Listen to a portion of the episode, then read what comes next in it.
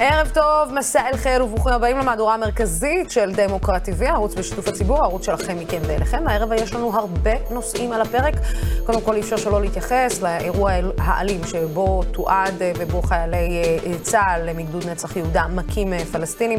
היום אה, בצה"ל הגיבו לאירוע והשעו את החיילים שבועיים לאחר האירוע. כמובן שאנחנו נדבר גם על תוצאות הפריימריז במרץ ובציונות הדתית עם ישראל פריי שלנו ועם בנצי רובין מסרוגין. לאחר מכן אנחנו נארח באולפן את אברום בורג, שהחליט להקים מפלגה משלו בשם כל אזרחיה. שיתוף של יהודים וערבים. בנוסף, אנחנו נצפה גם בכתבת תחקיר של רועי מעוז, כתבנו על ההוצאות הגבוהות ביותר שדורש כנס הקונגרס הציוני בבאזל, 125 שנים אחרי הקונגרס הראשון. גם על זה אנחנו נדבר עם אברום בורג, אבל בעיקר עם הני זובידה. לאחר מכן נארח את חבר הכנסת ולדימיר בליאק, מרכז, מרכז הקואליציה בוועדת הכספים, לשיחה על יוקר המחיה. הרבה דברים על הפרק, אז בואו אה, נתחיל. אני רוצה להגיד כבר, ערב טוב לישראל פריי, כתב ופרשן דמוקרט TV, שלום, שלום. ערב טוב לסי. וגם אה, לכתב הפוליטי של סרוגים, אה, בנצי רובין, שלום, שלום גם לך. שלום, לוסי, ערב טוב. אז לפני שאנחנו נתחיל לדבר uh, על uh, הפריימריז שהיה אמש uh, במרץ וגם בציונות הדתית, ישראל, התגובה שלך בעצם להחלטה של כוכבי, אני חושבת שפעם ראשונה מזה המון זמן שאנחנו רואים החלטה מאוד מאוד ברורה של כוכבי בכל מה שקשור לאלימות של מתנחלים, או לאלימות של חיילים כנגד פלסטינים. זה, זו התגובה של כוכבי לא חריגה, המקרים החוזרים והנשנים של הגדוד הספציפי, המדובר גדוד נצח יהודה. היא החרפה פה. אנחנו זוכרים רק מלפני כחצי שנה, סיפור שכאן דיווחנו באריכות, מקרה של עומר אסד, קשיש בן 80 שנכפת על ידי חיילי, חיילים מהגדוד והופקר למותו, למעשה קפא מקור, מקרים אלימות שחוזרים ונשנים, וזה יהיה די תמים לחשוב שאותו קונספט ש, של אלימות שמופעלת וכל פעם נענים באיזה שהם חידודי נהלים, זה יהיה קצת תמים לומר שזו, שזו הדרך. צריך להזכיר, הגדוד הזה, שנשלח דווקא בשנים האחרונות לאזורים של השטחים, לפעול באזורי אוכלוסייה, הוא דווקא הגדוד ש... כולנו יודעים מהיכן הוא מגיע, עם החיילים עם הכי פחות אוריינטציה של אה, אה, חינוך אזרחי, של אה, הבנה אולי של חינוך דמוקרטי, של הבנה מה חיילים אמורים לעשות, מה תפקידם לעשות ככוח כובש בשטח, בתוך אוכלוסייה. התוצאות האלה הן פשוט נוראיות, ואני חושב שכל אמירה קשה ונוקבת ככל, שת, ככל שתהיה של כוכבי, לא תנקה את הביזיון של הגדוד הזה שפועל בשטחים. בנצי, משפט שלך, התייחסות שלך. תראי, את המקרה אני לא מכיר, ואני לא, לא חושב שזה נכון לצבוע גדוד שלם באמירות כאלה. אם יש מקרים חריגים בכל גדוד, בין אם זה חרדי ובין אם זה גדוד, נקרא לזה מעורב רגיל, מקרים חריגים צריכים להיענות, אבל אני לא, לא, לא מסכים עם ישראל על הצביעה המוחלטת של גדוד הנצח כיהודה, ש, שבגלל היותו מגיע מעולם חרדים, אולי עם פחות חינוך לנושאים אזרחיים ודמוקרטיה, בגלל זה דווקא מגיעים התופעות האלה. כן, אנחנו עוד נמצא את הזמן בעצם להרחיב את, גם את הדיבור על בעצם גם האלימות הזאת ואיך מתייחסים אליה בצה"ל, ובעצם מה אולי, כאילו לעצור ארבעה אנשים זה אולי לא מספיק כמו לחנך או, או לתת ערכים ולנטוע ערכים ל, ל, לקראת מה הולכים בעצם אותם צעירים שמתגייסים לכל גדוד וגדוד, זה כבר לא משנה אם זה נצח יהודה או גדוד אחר. אבל אני כן רוצה להתמקד בענייני הפריימריז בשתי המפלגות, מרץ והציונות הדתית. אני רוצה להתחיל מרץ, שם אנחנו רואים שאין ממש שמות חדשים ברשימה. זהבה גלאון, אחרי זהבה גלאון יהיו מוסי רז, עלי סלאלחה, יאיר גולן, גבי לסקי וניצן הורוביץ. כולם, חוץ אה, מגלאון, יהיו חברי, חברים, ב, יהיו ככל הנראה חברים בכנסת הנוכחית. בניגוד למפלגת העבודה, אין ממש אה, הפתעה. עדיין אלו היו פריימריז קשוחים מאוד, הרבה יותר ממה שהם היו צפויים. הקרב בין זהבה גלאון ליאיר גולן היה, ירד לפסים לא נעימים. מאוד לא נעימים. ועד הרגע האחרון צריך לומר שסך כל המתפקדים של מרצ זה פחות מ-20 אלף, גם אלו שהצטרפו עכשיו. חלקם הגדול נמצאים במגזרים שידעו להיכן הם מצביעים, אחוזי ההצבעה שיחקו לאורך היום. כלי משמעותי. עד הרגע האחרון זה לא היה קרב קל, אבל לבסוף זהבה גלאון מנצחת בפער, בפער נאה, וכמובן הכותרת הגדולה, יאיר גולן, שהגיע מבחוץ והתיימר לכבוש את, את, את הכס ה... את הכסר של הרשות, הוא פשוט מסתפק במקום בתחתית הרשימה. וכמובן ראוי לציון ניצן הורוביץ, יושב הראש הרשימה, אה, הוא נחש... היה נחשב לאורך הזמן גם כנציג המחנה של האדומים במפלגה, אה, וגם בכל זאת כפוליטיקאי ותיק ומוערך, הוא היה כן צפוי אה, ועוד כאות אולי הוקרה על בחירתו להניח את הרשות וכן להשתלב במקום גבוה, הוא מידרדר למקום שמונה.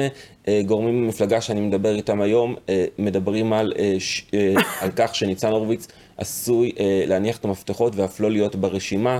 אה, כן, כי הוא אמר שהוא רוצה להיות חבר כנסת, אבל הוא לא בעצם נכון. מוותר על תפקיד אה, יושב ראש אה, מרצ. יכול להיות שהוא כבר הבין את הרמז בעקבות העניינים האלה.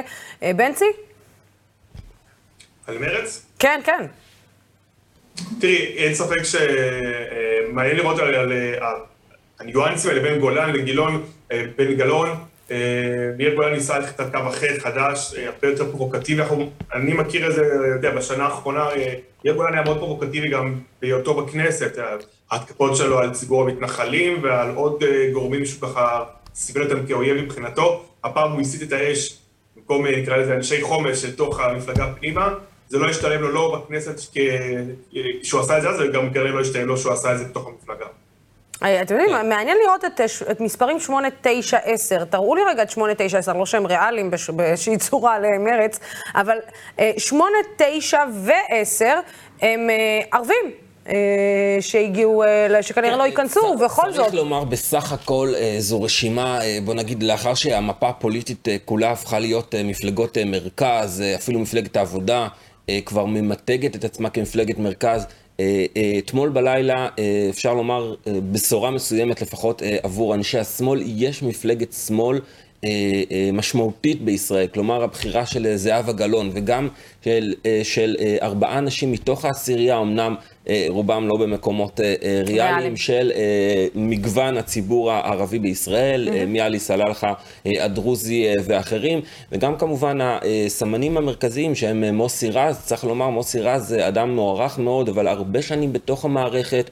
הוא אף פעם לא הצליח להתברג גבוה מדי, והוא מגיע למקום הפתעה, למעשה זה המקום הראשון, לצד האחרים ברשימה, זו רשימת שמאל מובהקת, שמאל אה, מדיני, אה, ואפשר לומר שהשמאל בישראל יש לו בית, יש לו בית, אה, גם אה, כמובן שיש הרבה ביקורת על המפלגה ויש את המאוכזבים, אה, אבל זו עדיין רשימה שמציגה שמאל גאה, אה, ובניגוד למה שיאיר גולן ניסה לעשות, היא לא שמאל שתנסה לגרד את המרכז, או שתנסה להביא, אה, אה, להתחרות על קולות מיש עתיד. היא כן. שמאל שתגיד לכל השמאלנים, תחזרו הביתה, יש לכם כתובת. כן, אה, בציון... בטח. לגבי זה שדיברתי קודם על יאיר גולן שהיה מאוד פרובוקטיבי ודיבר בגסות הרבה פעמים והמון ביקורת. אני רוצה לציין את ההפוך, מוסי רז שהגיע מקום ראשון, אומנם אידיאולוג גדול, איש שמאל שלא מתבייש בעמדות שלו, אבל הוא גם בן אדם, הוא פרלמנטר אה, מעולה. נכון. הוא איש אה, הגון.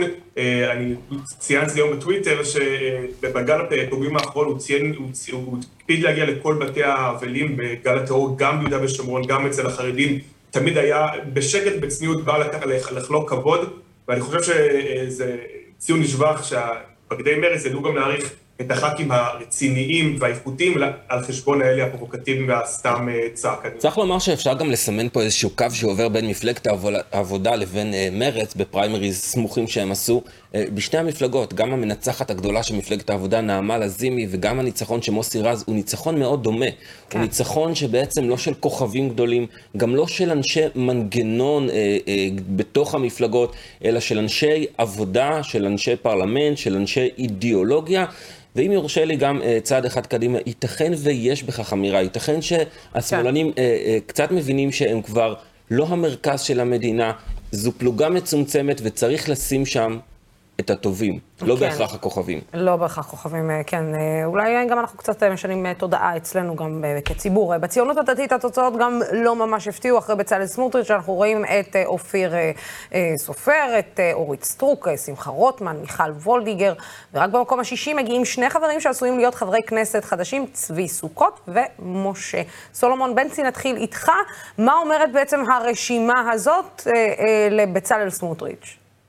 אגב, זה מתחבר לנושא הקודם, גם אופיר סופר יחסית אדם רגוע, שקט, לא מהמתלהמים במפלגת של סמוטריץ' בקדנציה האחרונה, גם איש מנגנון ותיק, מאוד מזכיר גם את נעמה לזימי ומוסי רז, שעשה עבודה בשטח, היה אה, פרלמנטר והיה איש רגוע והצליח להתקדם וגם אותו מתפקדים העריכו.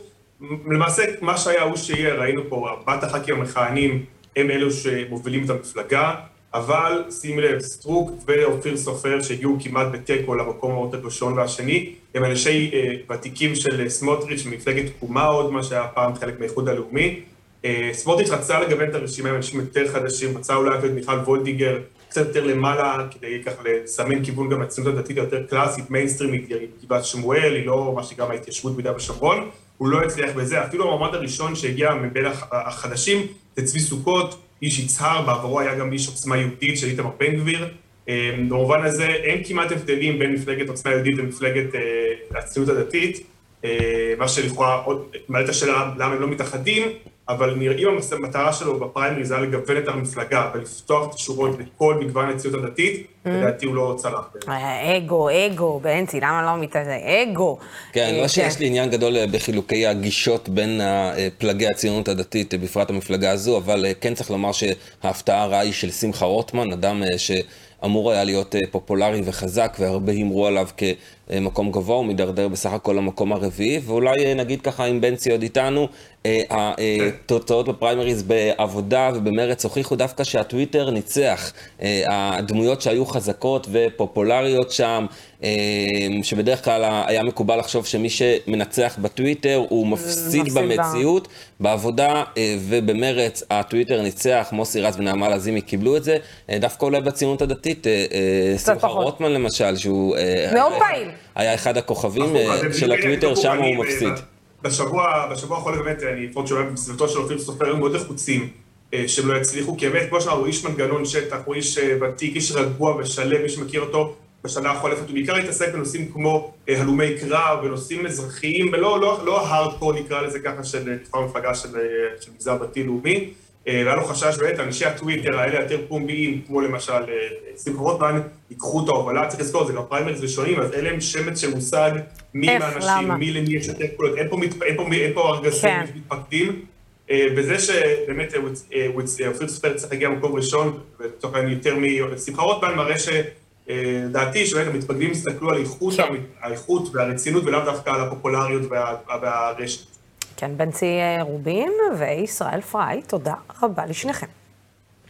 תודה. ועכשיו נמצא איתי באולפן חבר הכנסת, יושב ראש הכנסת ויושב ראש הסוכנות היהודית לשעבר, אברום בורג, שבאופן די מפתיע, כנראה שגם הוא פותח מפלגה חדשה, כל אזרחיה, אשר משלבת יהודים ומוסלמים. ערב טוב לאברום בורג, שלום, שלום. שלום, שני תיקונים. כן. זה לא אני פותח, זה אנחנו, וזה לא יהודים ומוסלמים, זה יהודים וערבים. שזה, זהו, רציתי, זה היה הדבר הבא שלי לשאול. זאת אומרת, האם זה רק מוסלמים, או שזה גם נוצרים ודרוזים ו... לא, זה כל אזרחיה. כל אזרחיה. אז לפני שאני, רגע, אנחנו נכנסים אל תוך, בעצם, מה מביא אותך לחזור אל, ה, אל הפוליטיקה, ודווקא מהמקום הזה, אני רוצה את ההתייחסות שלך לגבי האלימות אה, נגד פלסטינים בגדוד אה, נצח יהודה. אה, ארבעה לוחמים מגדוד נצח יהודה בחטיבת גביר, הם תועדו לפני כשבועיים מכים באופן מאוד מאוד קשה פלסטינים, והיום בצהריים הודיעו בצה"ל כי הם הושעו מתפקידם מכל תפקיד לחימה אחר.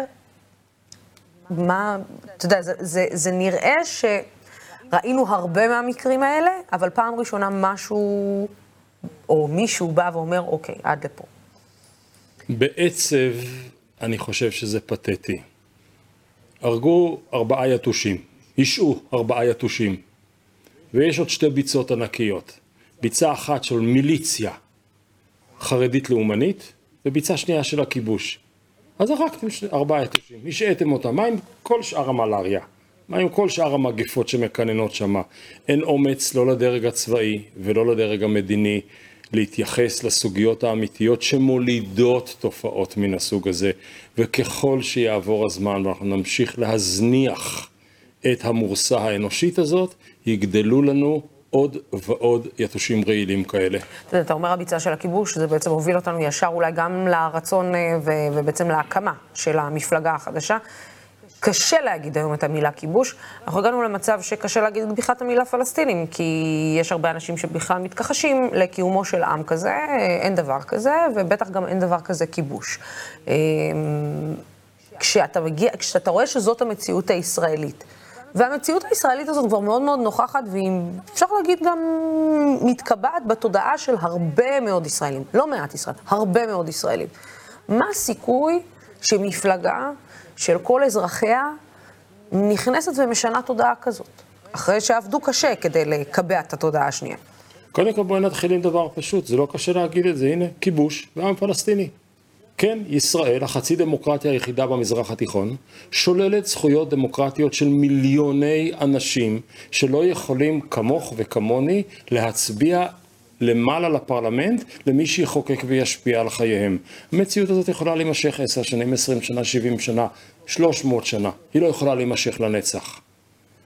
והשאלה היא מה יקרה ביום כשזה יתפוצץ, מי יהיה מוכן שם עם אלטרנטיבה. עכשיו, כל הפוחלצים הפוליטיים, שקוראים להם מרץ וקוראים להם מפלגת העבודה וקוראים להם עוד כמה מפלגות, אומרים קשה לנו להגיד וזה לא נעים ואין לזה רייטינג וזה לא מביא אף אחד ולא מתעסקים עם זה יותר. ומצד שני יש המוני אנשים, לא רוב, אבל המון אנשים שאומרים זה לא ייתכן, זאת מציאות שמבוססת על עוולה, שלא מבוססת על צדק, שהיא לא טובה אנושית וגם לא טובה לנו באופן, אה, באופן ישראלי, שמוכנים לשקול אלטרנטיבה. היא תתחיל בתור אלטרנטיבה קטנה, היא תשנה את השיח, וכשהיא תשנה את השיח גם תשתנה המציאות. כך עובדת פוליטיקה של השפעה. אתה יודע, בעצם הדבר אולי היחיד, השינוי היחיד שהביאה ממשלת השינוי, זה בעצם, אה, שאולי אפילו לא ממשלת השינוי הביאה את זה, זה דווקא בנימין נתניהו הביא את זה, זה הפיכתם של הערבים לשחקן לגיטימי בפוליטיקה הישראלית.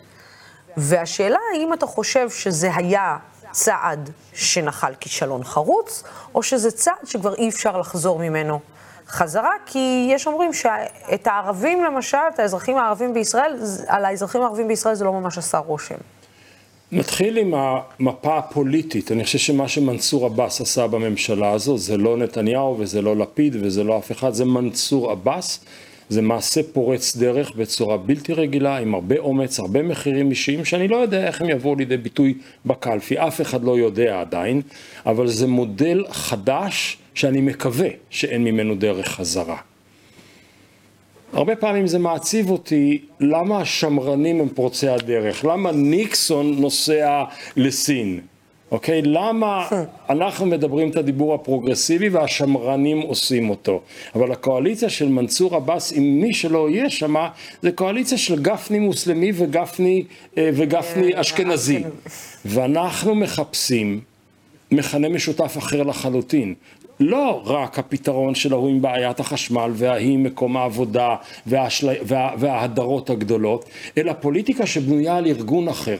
כל הפוליטיקה הישראלית כולה, על כל מפלגותיה, בנויה על מארגן לאומי, יהודים וערבים. נכון שבמרץ יש כמה עלי תאנה לא יהודים, ובחד"ש יש עלי תאנה אחד לא ערבי, אבל כל שאר הפוליטיקה, הפוליטיקה מאורגנת על יהודים וערבים. ואנחנו באים ואומרים, זה נגמר, זאת שיחה בת 80 שנה שהיא כבר מתה, עוד לא הודיעו לה, אבל היא כבר מתה. הגיע הזמן לפוליטיקה שמאורגנת סביב הרעיון האזרחי של לוסי ואדם בנה ואברום וששת ילדיו, כולם שווים. אני רוצה רגע, אני מנסה רגע להיכנס לתוככי הדברים שאתה אומר. אמ, אתה בטח ראית את סאגת אה, ג'ידא רינאוי זועבי, היית כן. מודע לה.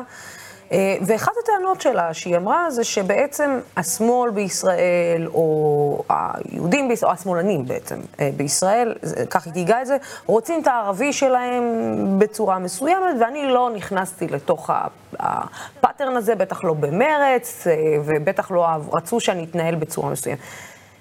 יש משהו מהדברים שריידה אומרת שהם נכונים, או שריידה לא הבינה בכלל לאיזה עולם היא נכנסה? רדה היא גם חברה שלי, גם ניסיתי לעזור בתקופת המשבר וזה לא כל כך הלך. וקשה מאוד לשפוט, כי כשמצניחים בן אדם מבחוץ למפלגה שאין בה מקומות לצנחנים, זה לא יכול לעבוד. זה דומה במובנים רבים לאבי גבא במפלגת העבודה. כשמשתילים ראש לגוף, לפעמים הגוף דוחה את הראש. זה לא עובד בביולוגיה, אה, בביולוגיה הפוליטית. אנחנו מדברים על משהו אחר לחלוטין, אנחנו מדברים על מודל של שותפות שווה לחלוטין. כל מוסד, כל נציגות, כל מילה נעשית על ידי שני, שתי הקבוצות, ולא את הערבייה ואני היהודי, אלא אנחנו. אני לא מבקש מהערבי, בוא תציל לי את אזור הנוחות הליברלי הציוני שלי. אני מציע אלטרנטיבה אזרחית. את שווה לי, אני שווה לך, בואו נעמול ליחד, ביחד למען השוויון הזה. אגב, לא רק שוויון לערבים. שוויון הוא מעטפת של טוב כללי. לכל בני אדם מגיע שוויון. המבחן הראשי הוא גם בעוולה הראשית. אה, בעוולת מעמדם של הערבים כאזרחים מסוג ב' בישראל. אברום, אתה לא מפחד אה, שיגידו, הנה עוד מפלגה בעצם שבאה לשרוף קולות? החשש של שרפת קולות הוא תמיד טקטי. מה יקרה הרגע ומה יהיה בבחירות הבאות, וכל מצביע ישראלי הוא אסטרטג בסדר גודל של הקמפיינר של נשיא ארצות הברית. אסור לחשוב כאלה מחשבות, צריך לחשוב מה נכון, ולשים אלטרנטיבה על השולחן, והאלטרנטיבה תתחיל את דרכה. וצריך סבלנות למעשה הפוליטי. ובסוף כאשר את מסתכלת, עזבי על הימין ומה שקורה בו. על מה שקורה במה שנקרא שמאל וזה בלוף, כי הוא לא שמאל באמת, הוא, הוא כלום. אין לו אידיאולוגיה, אין לו מכנים משותפים, אין לו תפיסת עולם מקפת על מה צריך להיות נכון לחברה הישראלית. כאשר את מסתכלת על כולם, הם כולם מפלגות שוקעות. אנחנו מציעים מפלגה של זריחה, אלטרנטיבה של איך ייראה המחר הישראלי, לא איך נראה אתמול הישראלי. יצא לך לדבר עם אה, אנשי, לאחרונה עם אנשי אה, אותו שמאל ש, שאתה קורא לו אה, בלוף, כל אומרת, היום וכל הלילה? כן. הם רבים איתי ואני מתווכח איתם. גם בני גנץ לצורך לא, העניין. לא, לא, לא. תקשיבי, בן אדם שמתחיל את קמפיין הבחירות שלו, אני הרגתי כך וכך אנשים, הוא בכלל לא נמצא באזור חיוג שלי. הבן אדם הזה הוא פסול חיתון. אני לא, אין, הוא לא נמצא בשום מקום. אני לא יכול לדבר עם אנשים כאלה. אני לא מדבר עם אנשים שהישראליות שלהם מבוססת על מספר גולגולות. ובעצם אה, הכניסה של גדי איזנקוט אה, גרמה לך להרים גבה? דווקא גדי לא, איזנקוט עם לא, ה... עם לא, ה... אני לא יודע מה הוא רוצה, ספק אם הוא יודע מה הוא רוצה, אני מקווה שהבוחרים שלהם יודעים מה הם רוצים, ושיסתדרו. אני לא נמצא שם בכלל. אני אדמה לך למה הדבר דומה. פעם היה לכם בטח פה בבית באיזשהו מקום את הג'ריקנים הגדולים האלה של מי עדן עם 19 ליטר, כן. 19 ליטר של מים משעממים. לא עושים כלום המים האלה, אתה לא יודע עליהם כלום. ויום אחד בא מישהו, אדם הקטן שלך, לוקח כפית של מיץ פטל ושופך פנימה לתוך המכל ופתאום כל המים מקבלים צבע אחר, מקבלים אופי אחר. אני מאמין שתפיסת עולם של חוקה, של שוויון, של חילון המרחב הציבורי, של הגינות בחלוקת המשאבים הציבוריים, של צמצום פערים למען כולם, היא בדיוק מה שייתן את הצבע למים חסרי האופי של כל הגוש הזה. ויתמודד עם הצבעים האחרים, העכורים והלוהטים שבאים מהכיוון השני. השבוע, אה, אה, בשבוע הבא, יתקיים אירוע שמציין 125 שנים אה, לקונגרס הציוני הראשון בבאזל, והאירוע יתקיים בבאזל, כשאורח הכבוד הוא נשיא המדינה בוז'י הרצוג, שגם בעבר היה יושב ראש הסוכנות היהודית, שבראשה אתה עמדת. אברום, בוא נראה ביחד את הכתבה ו... יוקר המחיה, יוקר המחיה ויוקר המחיה. זה מה שמפריע לציבור הישראלי נכון לקיץ 22. אבל בשעה שהישראלים מדברים על מחיר של טונה ושל פסטה, מאות אנשים שמובילים את החברה הישראלית הולכים קצת להתנקות מהקיץ הישראלי החם והיקר ולהתבשם באוויר הרים שוויצרי עם מטוסים פרטיים, אירוח במלונות יוקרה בבאזל והכל על חשבון הציבור, על חשבוננו. והם יהיו שם שרים, ראשי רשויות, ביטחוניסטים לשעבר, יזמים חברתיים, וכמובן נשיא המדינה ופמלייתו. ולמה קייטנת הקיץ היוקרתית הזאת מתרחשת? כי השנה ימלאו 125 שנה לקונגרס הציוני הראשון. אתם זוכרים, הרצל ומדינת היהודים וכל זה. ומה יותר הגיוני מאשר לחגוג את התאריך באירוע ענק ויוקרתי בבאזל הרחוקה? לא על חשבון הברון, אלא על חשבון האזרח הישראלי. העלות כמעט שלושה מיליוני דולרים, בשביל אירוע שנמשך יום וחצי. אז מה צפוי להם ביום וחצי כיף הזה? בין היתר גל היוקרתית שקולט הופעה של קוסם על סושארד במחיר של 150 אלף שקל, שאולי יעשה איזה קסם ויחזיר את הכסף לקופת קק"ל הכחולה או לאזרחים. ולא רק זה, רצו שהמוזמנים ישבו באולם המקורי של הרצל, אז שכרו אותו בחצי מיליון דולר. ואם הקונגרס מתקיים בראשון ושני, אבל יש קצת כסף בקופה לבזבז, למה שלא נשלח את כל צוות הלשכה של כבוד יושב ראש ההסתדרות כבר בחמישי לשוויץ הנעימה? שיהיה weekend לעשות שופינג. אבל כדי לא לסיים את החגיגה מהר מדי, ביום שלישי, אחרי אירוע גאלה, התכנס הוועד הציוני בבאזל, עם סעיף תקציב יהודי של כמעט חצי מיליון דולר נוספים. ושלא תראו, ההסתדרות הציונית העולמית היא לא איזה גוף פרטי שיכול לעשות מה שבא לו. היא בפועל ובחוק זרוע של המדינה. תראו מה אומר העיתונאי שאולי חקר את זה הכי הרבה מכולם, רביב דרוקר. מי מממן את ההסתדרות הציונית? קרן קיימת. הבת מממנת את האימא, היא למעשה מממנת את כולם. מאיזה כספים? של הקרקעות שלה, שאנחנו נטען של קרקעות העם היהודי. עכשיו, כשמגיע... זה, זה מקור, המקור כן, כן. הראשי, המקור. הראשי כמעט הבלעדי, אנחנו מדברים על 60, 70, 80 מיליון שקל בשנה. ההסכם הזה כל הזמן גדל והולך. למה זה גדל והולך? כי זה לא הכסף של האימא שלהם. וזה לא רק ההסתדרות, אלא גם משתתפי הכנס עצמם, שבתכלס נותנים לזה לגיטימציה. הרבה מהם נבחרי ציבור. כמו נחמן שי, שר התפוצות, ממפלגת העבודה ההו-כה סוציאל דמוקרטית.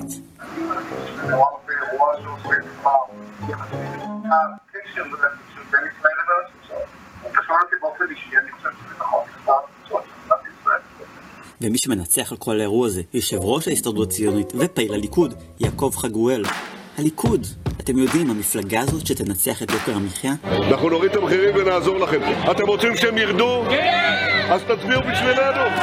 ואם כבר ליכוד, אז אי אפשר בלי הפרזנטור ויורש נתניהו מיועד, יוסי כהן, ראש המוסד לשעבר, שהוא יוכל להשיק כוסות עם הרמטכ"ל לשעבר משה בוגי יעלון, וגם עם דורון אלמוג, יושב ראש הסוכנות היהודית הנבחר. אני לא התחלתי, שאכן עוד בכלל לא נכנס לתפקידו, אבל כן טס כבר על חשבוננו לחו"ל. טוב, אתם יודעים, הם אנשים רמי מעלה. מה הם יודעים על הרחוב הישראלי? הם לא מרגישים את יוקר המחיה, אבל בואו נעבור לאנשים שמכירים את השטח. נגיד טל אוחנה, ראש מועצת ירוחם, אחד היישובים העניים בארץ. וכמובן, בל נשכח את הנשיא עצמו, שכבר דואג להצטלם במרפסת של הרצל לכבוד האירוע, בדיוק כמו אבא שלו. אם אנחנו רוצים ממלכתיות, כנראה אנחנו צריכים לשלם עליה. אנחנו בעוד שבועיים נציין 125 שנים לקונגרס הציוני הראשון בבאזל. הרצל דיבר על חברת מופת כאן בישראל. אנחנו עוד לא שם. צודק. באמת עוד לא הגענו לחברת המופת עליה חלם הרצל. השאלה היא, האם אירוע יקר בשוויץ הוא הדרך לאותה חברת מופת? ואם כולם כל כך ציונים, למה הם לא עורכים את האירוע הזה בציון? גם חוסכים את ההטסה של כולם לבאזל, וגם מפרנסים את הציבור שמממן את האירוע הזה.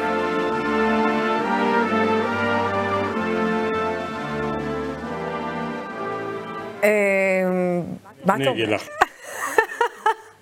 אתה מכיר אותנו, אנחנו אני- אני אגיד לך. כאילו... אני הייתי שם כיושב ראש התנועה הציונית. באירוע לציון 100 שנה לקונגרס הציוני הראשון. בעולם לא ציני, סמלים עולים כסף. מה- מה זה חשוב כרגע, איזה סמלים? אירוע הכתרה וכולי וכולי. השאלה מהו הסמל. וזה הדיון האמיתי. וכאן אני רוצה להגיד דעה שהיא הפוכה לגמרי ממה שנאמר שם. הציונות הייתה תנועה חיונית, פיגום, להעביר את העם היהודי ממבנה מפוזר, מבוזר, תפוצתי, למבנה ריבוני. במאי 1948 הושלם המעבר, בנו מבנה חדש, אפשר להוריד את הפיגום. מהיום ההוא ואילך, שהסתיים בהצלחה כבירה עבור הציבור היהודי ובטרגדיה איומה עבור הפלסטינאים, יצאה לדרך הישראליות. הציונות נגמרה ב-1948, כל הדברים האלה, אגב, שלחלקם אני גם הייתי שותף, פשוט לא הייתי מודע, לא עסקתי בזה, לא חשבתי על זה, לא כתבתי על זה, היום אני אחרי עשרים וכמה שנות הרהור בנושא הזה, כל האירועים האלה הם נקרופיליה. ובדברים האלה. אברום בורג, אה, יושב ראש מפלגת כל אזרחיה? לא, אחד המייסדים. אחד המייסדים של מפלגת כל אזרחיה. תודה רבה לך. תודה. כן, ועכשיו כדי להגיב על, אה, לכתבה על הקונגרס הציוני, אני רוצה להגיד ערב טוב, מסע אל חיר, הנסבדה. מזל, נו. נו, חביב כלבי, מה, מה קורה? אה, אז עברו, אנחנו- אה, אתה רוצה שנשמע מה עברו אה, בורגמר אה, ממש לפני אה, שנייה וחצי? הוא אמר אה, בעצם אה, ש... אולי לפעם הייתה לזה הצדקה, בארבע, עד, ארבע, אולי עד 48 היה צריך את הפיגום הזה של הציונות, אה, ומ-48 כבר לא היה לזה צורך, אה, על אף שהיותו יושב ראש ההסתדרות הציונית אה, בתקופה מסוימת, היום הוא לא חושב שיש הצדקה בכלל לכל האירוע הזה, לכל האירועים האלה. דעתך בנושא. תראי, הוא, הוא היה יושב ראש הסוכנות היהודית, אבל אני חושב שפה אנחנו צריכים לדבר באופן כללי. מעבר לעובדה שהמוסד הזה הוא אנכרוניסטי, ועולה שאלה איך, איך זה משחק בתפקיד, כי הרי צריך לזכור, בעצם מדובר על הקונגרס היהודי העל, שהוא שייך לכל היהודים בכל העולם, ולנו יש בעיה בסיסית הרבה יותר מול היהודים בארצות הברית, שרואים אותנו בתור מי שאומר להם, אתם לא חברים שלנו יותר, אתם לא משחקים את המשחק איתנו. ואני חושב שפה מתחילה הבעיה. עכשיו, לגבי כמה המוסד הזה הוא רלוונטי או לא, זה יקבעו האנשים, אבל ממה שאני ראיתי בכתבה המצוינת שעשיתם, שזה יותר, אה, לא יודע, חגיגה של המיליארדיון העליון, להיות ביחד אה, ולשתות ולאכול במקום מאוד יפה. אז אני חושב שכאילו לא היה אכפת לי לנסוע לשם, השאלה מה יהיה שם מעבר להתחככות אחד בשני. אבל אתה יודע, השאלה היא האם בזמן משבר כלכלי, כזה לא פשוט, אוקיי? אה, אנשים מתקשים, זמן בחירות, לא היה אפשר לעשות את זה קצת יותר בצניעות, אה, או לחכות עם זה טיפה? תשמעי, זה בדיוק הנקודה, ופה זה לדעתי... כי בוא נגיד הציונות מאוד אנשים. מצבה הכלכלי לא משהו. כן, וגם, וגם צריך להגיד ש, שיש פה, את יודעת מה, אני אגיד את זה בצורה הזאת, כמה שאני לא אוהב את החבר'ה של מפא"י, של שנות ה-40 וה-50, אני חושב שהם לא היו עושים כזה כנס, כזה ראוותני, כזה אקסטרווגנטי, בזמן הזה שיש פה אנשים שכנראה לא יוכלו לפתוח את תחילת שנת הלימודים.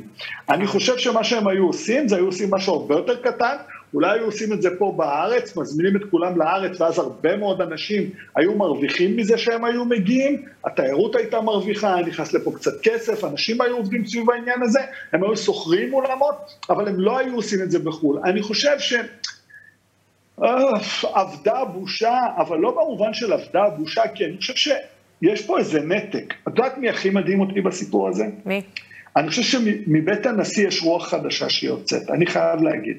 כמות האירועים, הדברים שהוא אומר, אה, הפעולות שלו בנושאים חברתיים הן מדהימות. כמו אברום בורג, גם הוא היה יושב ראש הסוכנות היהודית. הוא מכיר את המטריה. עכשיו, אני בטוח שהוא לא יזם, אני בטוח שהזמינו אותו, וזה חלק מהתפקיד שלו להיות שם. הייתי מצפה מנשיא מדינת ישראל כמו חיים הרצוג, שיבוא ויגיד, תראו חבר'ה, בוז'י הרצוג. אני חושב... בוז'י, בוז'י, הרצוג, אמרת סליחה. חי. אני מתנצל, בסדר, נו. אני מתנצל. אני, אני חושב שהוא היה צריך להגיד, תקשיבו רגע, יש פה טעם לפגם. בואו תראו, יש פה כנראה הרבה מאוד כסף שהולך להתבזבז, וגם אם רוב הכסף, את יודעת, זה הוצאות מוכרות וכולי וכולי, על פניו, לבוא עכשיו ולתת את ה shindig הזה עם כל האנשים האלה, אנשים במדינת ישראל יראו את זה בצורה גם לא ליאור יפה. סושרד, אתה יודע, סושרד, זה כאילו נראה יותר entertainment, ולא שאני מתה על סושרד, כן, אבל כאילו זה נראה יותר כן. entertainment מאשר זה, נראה יותר קים קרדשיאן וקניה ווסט הזמינו את סושרד לעשות איזה מופע כזה, ולא, ולא עכשיו, אה, קצת, קצת לא, לא, לא ברור. אני, אני אוהב את ליאור סושרד, אני חושב שהוא בחור מאוד מוכשר, אני חושב שהוא מאוד מצליח בעולם, והוא מייצג אותנו יפה מאוד, וזה אחלה. אבל אני חושב עוד פעם, אנחנו נמצאים היום ב-24 לאוגוסט. שנת הלימודים נפתחת בדיוק עוד שבוע, אם היא נפתחת. אם היא נפתחת, כן. אם היא נפתחת. יש פה אנשים שנמצאים ממש על הקשקש, בין לגמור את החודש, לבין לעשות קניות, לבין לקנות תרופות, לבין לשלם חשבונות. אני חושב, זה, זה, וזה כבר הרבה זמן. כן. נגיד בנק ישראל הקפיץ את הריבית עוד הפעם. המשכורות לא בדיוק בשמיים. מורות מתעקשות שהן לא מרוויחות מספיק, ואנחנו יודעים שהן לא מרוויחות מספיק. ברור. גננות. ב... אז עכשיו, בתוך כל הבלגן הזה, אתם רוצים להגיד לנו שמוסד שקיים כבר מעל למאה שנה, אתם הולכים לעשות לו חגיגה גדולה בחו"ל? אוקיי, טוב. ליאור שושר תעשה אותי. תזכיר לי שאני ואתה צריכים לעשות איזושהי שיחה על למה הרוח אה, יוצאת קצת אה, אחרת אה, מבית הנשיא. מדובר בנשיא צעיר להזכיר לך, ובנשיא שעוד מפנטז כן. להיות ראש ממשלה, אבל על זה אנחנו נצטרך להרחיב בפרק אחר. אני בשמחה, אני אשמח, כי אני חושב ש... קורה שם משהו מיוחד. קורה שם משהו מיוחד, אבל קורה שם משהו שעובד קמפייני, עובד מאוד טוב, עובד לטווח ארוך. גם כמו שהוא, כמו שדרך אגב, כמו שהוא עבד לכיוון סלילת תפקידו כנשיא המדינה. הוא עבד, בדיוק, הוא עבד מאוד מאוד מדויק. בוא נגיד, הוא כבר לא יגיד, נתני, אני רוצה לשמור על נתניהו מאוחדת. אני אגיד לך כזה דבר, רוב האנשים נוטים לזלזל בו, אני הייתי ממליץ לכולם לחשוב פעמיים, זה איש מאוד מוכשר, הוא מסמן מטרות, הוא יודע להגיע אליהן. את יודעת מה, אני הייתי שמח אם את ואני היינו יושבים על הכיסא הזה בבית הנשיא מול אה, נשיא מדינת ישראל, והם מקבלים רעיון של חצי שעה. לא היה הולך לישון, לא היה הולך לישון עוד הפעם אחרי אה, מערכת בחירות, בואו נגדיר את זה ככה. תודה רבה, אני זובנה. תודה לך, לוסי. כן, בינתיים קיבלנו את תגובת נשיא המדינה, יצחק בוז'י הרצוג. הנשיא נמצא בביקור ממלכתי בשוויץ. במהלך הביקור צפוי להתקיים אה, טקס קבלת אה, פנים רשמי, והנשיא עתיד להיפגש עם נשיא שוויץ ולקיים מפגש עם הקהילה היהודית ופגישות נוספות. בין היתר השתתף גם באירוע לציון 125 שנים לקונגרס הראשון בבאזל. הנשיא הינו אורח בלבד באירוע המדובר. כן. ועכשיו אה, נמצא איתנו באופן חבר הכנסת מיש עתיד, מרכז הקואליציה בוועדת הכספים בכנסת האחרונה, ולדימיר בליאק, שלום שלום. ערב טוב. אז אה, יוקר המחיה, אה, כמו שדיברנו עליו לפני שנדבר על יוקר המחיה, ושגם התבטא, בוא נגיד, בין השאר בכתבה של רועי מעוז, שראינו, על ההוצאות הגדולות של האירוע הציוני, של הקונגרס הציוני. מה יש לך להגיד על זה? לא הכרתי, לא הכרתי את האירוע עד שראיתי את הכתבה, זה לא נראה טוב. אני, לפני שנכנסתי לכנסת, הייתי חבר ועדת ביקורת וועדת הכספים בהסתדרות הציונית העולמית, ולא שתקתי. באמת, לא שתקתי ולא אהבו אותי שם. אנחנו כיש עתיד נכנסנו למוסדות הציוניים לראשונה לפני שנה, במטרה בעצם לעצור גם דברים כאלה. אז כנראה עדיין אנחנו לא עושים עבודה מספיק... יעילה, וצריך, אין ספק שצריך לעשות שם סדר. זה לא ראוי, יש פה טעם נפגם, בטח בתקופה כזאת, אני מקווה שזה ישתנה. כן, אפשר להגיד, mm-hmm. במיוחד בתקופה כזאת, והנה אתה מציין את זה mm-hmm. לפניי. אני כן רוצה לדבר איתך על, על יוקר המחיה ועל התקופה הזאת, ולא סתם אנחנו בעצם רואים טעם לפגם בכינוס הזה. ניסיתם, אבל זה נראה שיוצא לכם מאוד מאוד הפוך. ואני אדייק עוד יותר, יש עתיד כשהיא קמה, היא קמה אחרי אה, אותה הפגנה גדולה ואחרי אותו משבר של יוקר המחיה, שבו המדינה יצאה החוצה, אוהלים, עניינים, ומתוך הדבר הזה, מתוך האנרגיה הזאת, יש עתיד קמה. וזה נראה שיש עתיד הפעם תשלם, אולי בקלפי ובקולות, על כך שבתקופתה של יש עתיד, אנחנו משלמים הרבה מאוד מהכיס שלנו. אני רוצה להיות כנה. אה, אני חושב שעשינו הרבה מאוד אה, בשנה האחרונה ואני בהחלט רוצה לציין מה עשינו ועדיין לא הצלחנו בעצם להגיע לצרכן עצמו כי בסופו של דבר הרי זה לא משנה מי אשם, למרות שגם לזה יש משמעות, אבל לצרכן לא, יוקר המחיה לא קרה בשנה אחת, כן. לצרכן לסופר זה לא משנה, כי הוא נכון. משלם את המחיר היום, ורוכשי הדירות וכולם. ישראל היא מדינה יקרה, זה כמובן לא נוצר בשנה האחרונה, זה נוצר הרבה, לפני, דווקא כשנתניהו נכנס בפעם השנייה ללשכת ראש הממשלה ב-2009, המחירים אצלנו היו בערך כמו באירופה, וב-2021 כשהוא יצא אנחנו היינו 40 אחוז יותר יקרים. אז הפער הזה נוצר ב-12 שנות נתניהו, והוא נוצר כי השוק שלנו מעוות או מונופוליסטי, הוא לא תחרותי ויש בו הרבה מאוד חסמים, יותר מדי, ואנחנו רואים את זה כל יום. והצלחנו, התחלנו בעצם לתקן את זה גם ברפורמת היבוא, גם ברפורמת הרגולציה, ברפורמת הכשרות, הסרנו הרבה מאוד חסמים, גם בימים האלה, בשבועות האחרונים, שרת הכלכלה מסירה עוד ועוד חסמים כדי לפתוח את השוק, להכניס את הרשתות הזרות. זה לוקח זמן, כמובן יש פה גם פקטורים שהם לא תלויים בנו, גם משבר הסחורות אחרי קורונה וגם מלחמה במזרח אירופה. הכל משפיע, למשל במחירי חשמל אה, עדיין 23% מיוצר על ידי הפחם, והפחם עלה ב-170%. בשנה האחרונה אז הצלחנו למתן את זה ל-8.6, לא מספיק, אבל זה מה שיש. ועדיין אני חושב שהקואליציה שלנו, הממשלה שלנו, אנחנו מאוד מחויבים לנושא הזה של מאבק ביוקר המחיה. ואני אני רוצה רגע, כן. שנייה, סליחה שאני קוטעת אותך, אבל לא, אולי התעוררתם מאוחר מדי. זאת אומרת, אולי כשנכנסתם לממשלה היה כל כך הרבה בלאגן, היה כל כך הרבה אה, אה, משרדים, זה לטפל בזה שיהיה מרוצה, והוא שיהיה מרוצה, וזה שלא יהיה בלאגן, וזה שלא ישרוד, וזה שלא ילך ויפרק את הקואליציה, ולא טיפלתם בדבר הכי חשוב לציבור, שהוא הכיס שלו. אני לא לגמרי, לא לגמרי מסכים. זה נכון שיש פה הזנחה בהרבה מאוד תחומים, הזנחה של 15 שנה, אה, לפעמים היא הזנחה פושעת, ואני ראיתי את זה בוועדת הכספים בהרבה מאוד תחומים. את רפורמות היבוא העברנו כבר בחוק ההסדרים בנובמבר, אה, כלומר, על התקציב התחלנו לעבוד בעצם מיד עם הקמת הממשלה, כבר באוגוסט זה עבר בנובמבר בכנסת. אותו דבר רפורמת הכשרות, אותו דבר רפורמת הרגולציה. זה לוקח זמן. למשל בדיור. זה ברור לי, הנה, אתה נוגע כן. בעניין של כן. הדיור, אבל ברגע ש... אתה יודע, אני צריך רק נתונים. ברגע שראש ממשלה, לצורך העניין, אומר שבעצם מחירי הדיור רק יעלו בשנה הקרובה, וזו הצהרה של בנט שהייתה, זה בעצם שולח הרבה מאוד אנשים ללכת לקנות דירות, מה שמקפיץ עוד יותר את מחירי הדיור, ואנחנו מגיעים לזינוק במחירי הדיור של 17.8 אחוז. אנחנו מדברים על, על, על מדד מחירים, אה, אה, לפחות עלויות במדד המחירים, 8.5 אחוז בפירות טריים, אה, תחבורה ב-3.3, דיור ב-1.2, תרבות ובידור ב-1.2, הנעלה והלבשה ירד ב-4%, אבל מי יש לו זמן לקנות את הבגדים כשאין לך זמן לקנות, כשאתה, כשאין לך כסף, אה, סליחה, אה, לקנות, אה, אתה יודע, אינפלציה. אנחנו, כאילו, זה עולה בלא פחות מ-1.1. זאת אומרת, יש פה עליות מטורפות, שזה נראה שמישהו פספס משהו בדרך. במשרד האוצר, במשרדים השונים, בהחלטות שהתקבלו, משהו התפספס. קודם כל יש פה אירוע שהוא אירוע עולמי, ודווקא בישראל בשנה האחרונה האינפלציה היא חצי מהאינפלציה בארצות הברית או באירופה, אנחנו לפי הערכות כרגע מגיעים ל-5.2, בבריטניה זה כבר מגיע ל-13%, אבל שוב זה פחות משנה, משנה מה, מה אנחנו עושים. ואנחנו כן עושים. ראש הממשלה למשל התגייס לנושא של מחירי הלחם והתחלנו, והצלחנו לבלום את זה.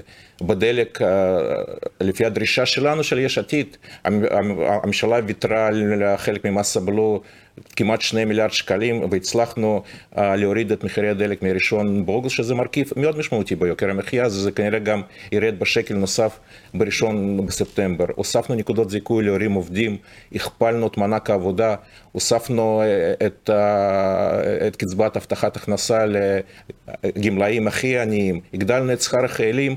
עשינו המון המון דברים בשנה האחרונה, אני גם משוכנע שחלק מהרפורמות שאנחנו ממשיכים כממשלה מתפקדת, אנחנו ממשיכים לקדם, גם עכשיו הם יביאו לתוצאות כבר בחודשים הקרובים.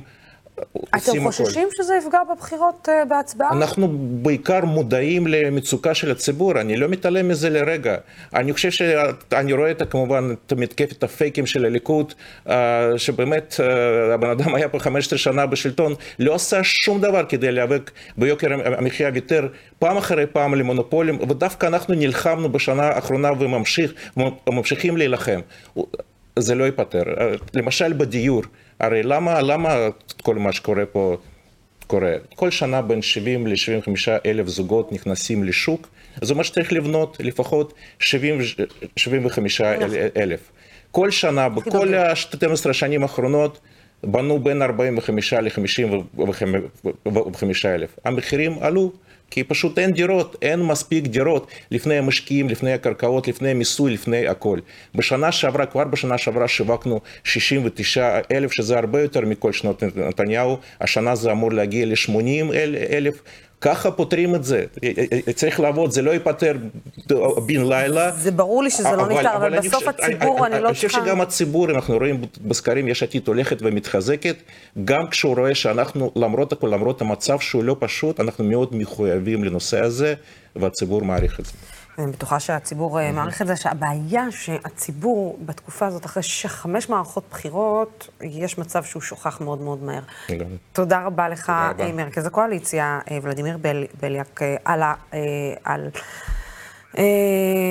כן, על הרעיון הזה, ותודה רבה לכם, אה, הצופים והשותפים של דמוקרט TV, כל זה אפשרי רק אה, בזכותכם. אנחנו כמובן נחזור לפה גם מחר בתוכנית מיוחדת, שבה אנחנו נדבר על הבחירות השישי, החמישיות בעידן הרשתות החברתיות, העידן הדיגיטלי, הבוטים נוהרים אל הבחירות. כנראה אנחנו כבר לא נוהרים. בינתיים, נתראה מחר. להתראות.